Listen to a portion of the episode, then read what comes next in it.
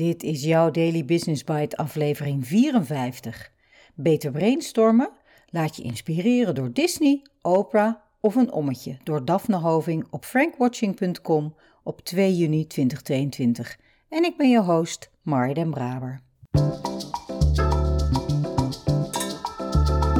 Je luistert naar Daily Business Bites met Marja den Braber waarin ze voor jou de beste artikelen over persoonlijke ontwikkeling en ondernemen selecteert en voorleest. Elke dag in minder dan 10 minuten.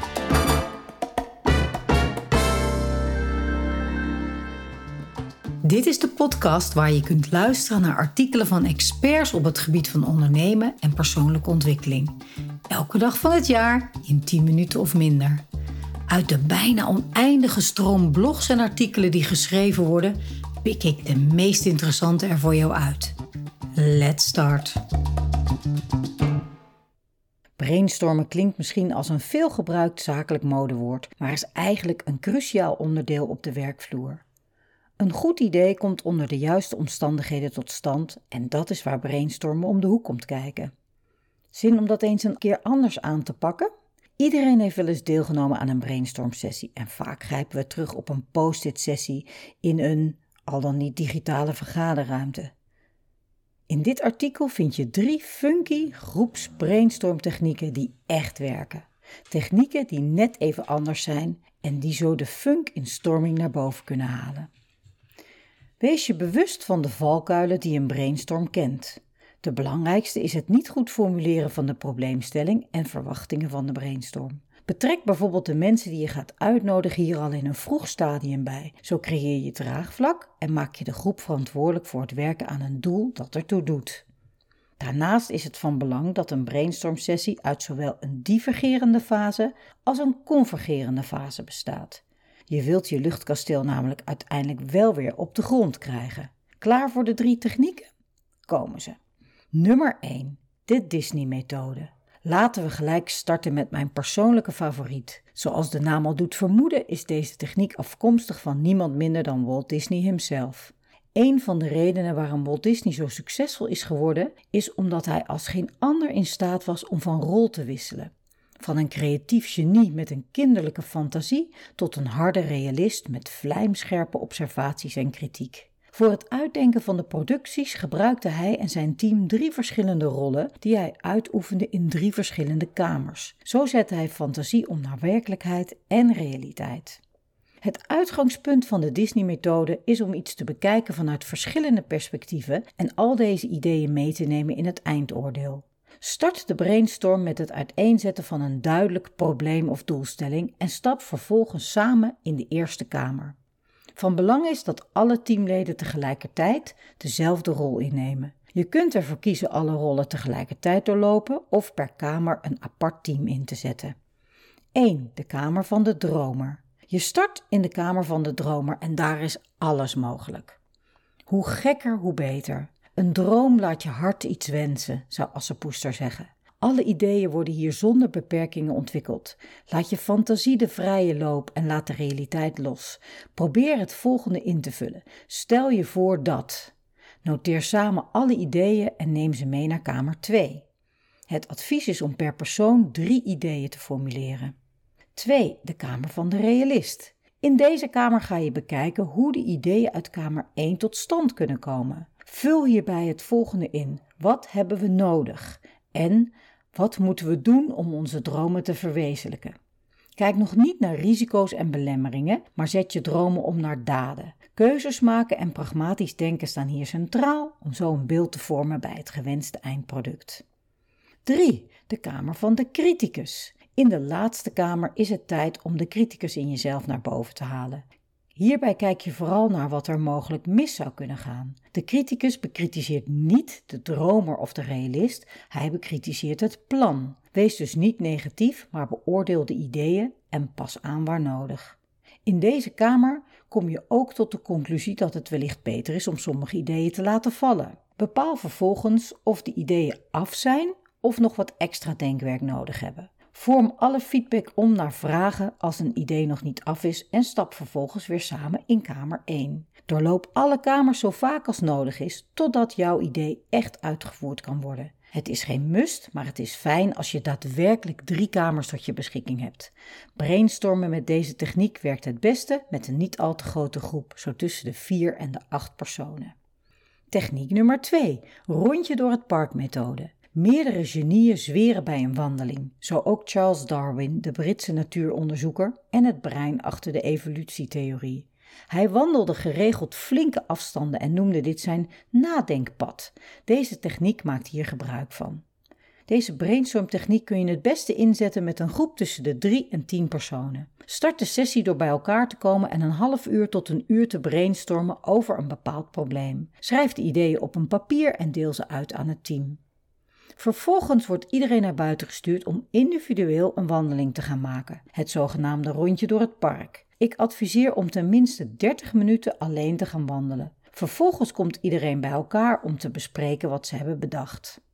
Wetenschappelijk onderzoek heeft uitgewezen dat wandelen een krachtige creatieve oefening is. Onder andere hoogleraar klinische neuropsychologie Erik Scherder van de Vrije Universiteit in Amsterdam, van ook de Ommetje-app, zet zich in om minimaal 30 minuten van je dag wandelend door te brengen. Maar hoe kan het nu dat wandelen onze creativiteit stimuleert? Het heeft allemaal te maken met de werking van onze linker hersenhelft en onze rechter hersenhelft. Door namelijk in beweging te zijn, activeer je de rechter hersenhelft en laat deze helft nou net staan voor het leggen van verbanden en creativiteit. De linker hersenhelft vult je hoofd verder aan met het contextuele gedeelte en voilà, de perfecte mix om tot nieuwe inzichten te komen. Nummer 3. De Oprah Winfrey methode. You get an idea, you get an idea, you get an idea. Deze iets aangepaste beroemde uitspraak van Oprah Winfrey kent eigenlijk iedereen wel. Teamgenoten schamen zich soms of aarzelen om hun creatieve ideeën naar voren te brengen. Maar als de naam van iemand anders aan de ideeën wordt gekoppeld, bijvoorbeeld die van Oprah, is de kans groot dat ze die delen. Zo werkt het. Bij de Oprah Winfrey-methode, ook wel figuurbrainstorming genoemd, kiest de groep een bekend persoon die niet in de kamer is. Het kan gaan om een fictief percentage, een bekend publiek figuur of je baas. Start de sessie met de beschrijving van het gekozen personage op het gebied van uiterlijk, persoonlijkheid, kracht en gevoelens. Breng daarnaast ook de sterke en zwakke punten van deze persoon in kaart. Bespreek vervolgens met elkaar hoe die persoon het probleem zou aanpakken. Het mooie aan deze brainstorm-methode is dat het enkele barrières wegneemt die creatief denken doorgaans beperken, zoals budget en tijd. Natuurlijk is het best lastig je helemaal in de pumps van Oprah Winfrey te verplaatsen. Dat geeft ook niet. Het gaat erom dat je vrij leert denken en je eigen restricties loslaat. Door jezelf in de schoenen van iemand anders te verplaatsen, kunnen jij en je team het probleem op een andere manier benaderen. Deze techniek is het beste te gebruiken in groepen van 2 tot 8 personen en met name effectief voor teams die werken aan terugkerende soortgelijke projecten. Deze brainstorm-sessie werkt goed in combinatie met de evaluatiematrix. Start met het ophangen, presenteren van alle ideeën, cluster de ideeën die gelijk zijn aan elkaar, laat de deelnemers vervolgens stemmen en plot de ideeën vervolgens in de evaluatiematrix over de assen inspanning versus impact. Al zin om het brainstormen eens anders aan te pakken? Een brainstormsessie begeleiden kan lastig zijn. Je wil niet alleen dat de groepsleden naar elkaar luisteren, ze moeten ook eigenaar worden van elkaars ideeën. Daarnaast kan een brainstormsessie je soms het ongemakkelijke gevoel geven dat je uit je comfortzone wordt gehaald. Met deze drie brainstormtechnieken, die net even anders zijn, laat je je deelnemers op een inspirerende manier uit hun comfortzone treden, want daar ontstaan toch echt de beste ideeën. Daily Business Bites met Marja Den Braber. Je luisterde naar Beter Brainstormen, laat je inspireren door Disney, Oprah of een ommetje door Daphne Hoving. Leuk deze brainstormtechnieken en de Disney-techniek is net als bij Daphne ook een van mijn favorieten. Ik heb hem geleerd tijdens mijn trainersopleiding alweer heel wat jaren geleden en ik ga hem snel weer eens toepassen.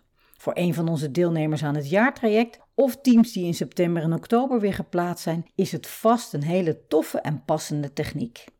De tweede techniek met het ommetje heb ik nog niet als zodanig ingezet, maar een team of een groep naar buiten sturen, lekker laten wandelen, afkoelen, energie opdoen, des te meer.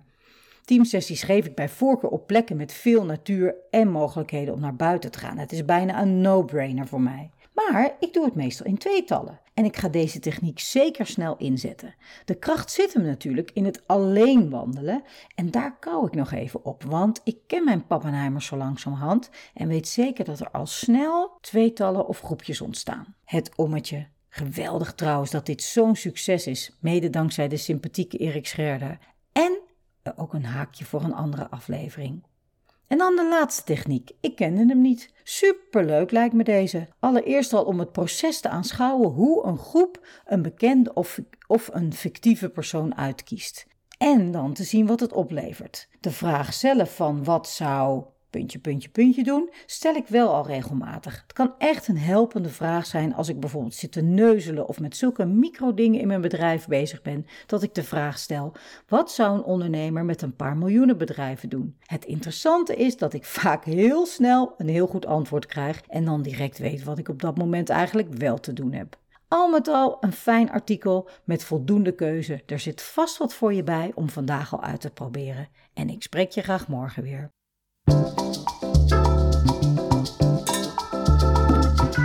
Dit was Daily Business Bites.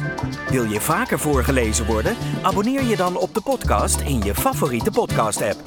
Meer weten? Klik op de links in de show notes.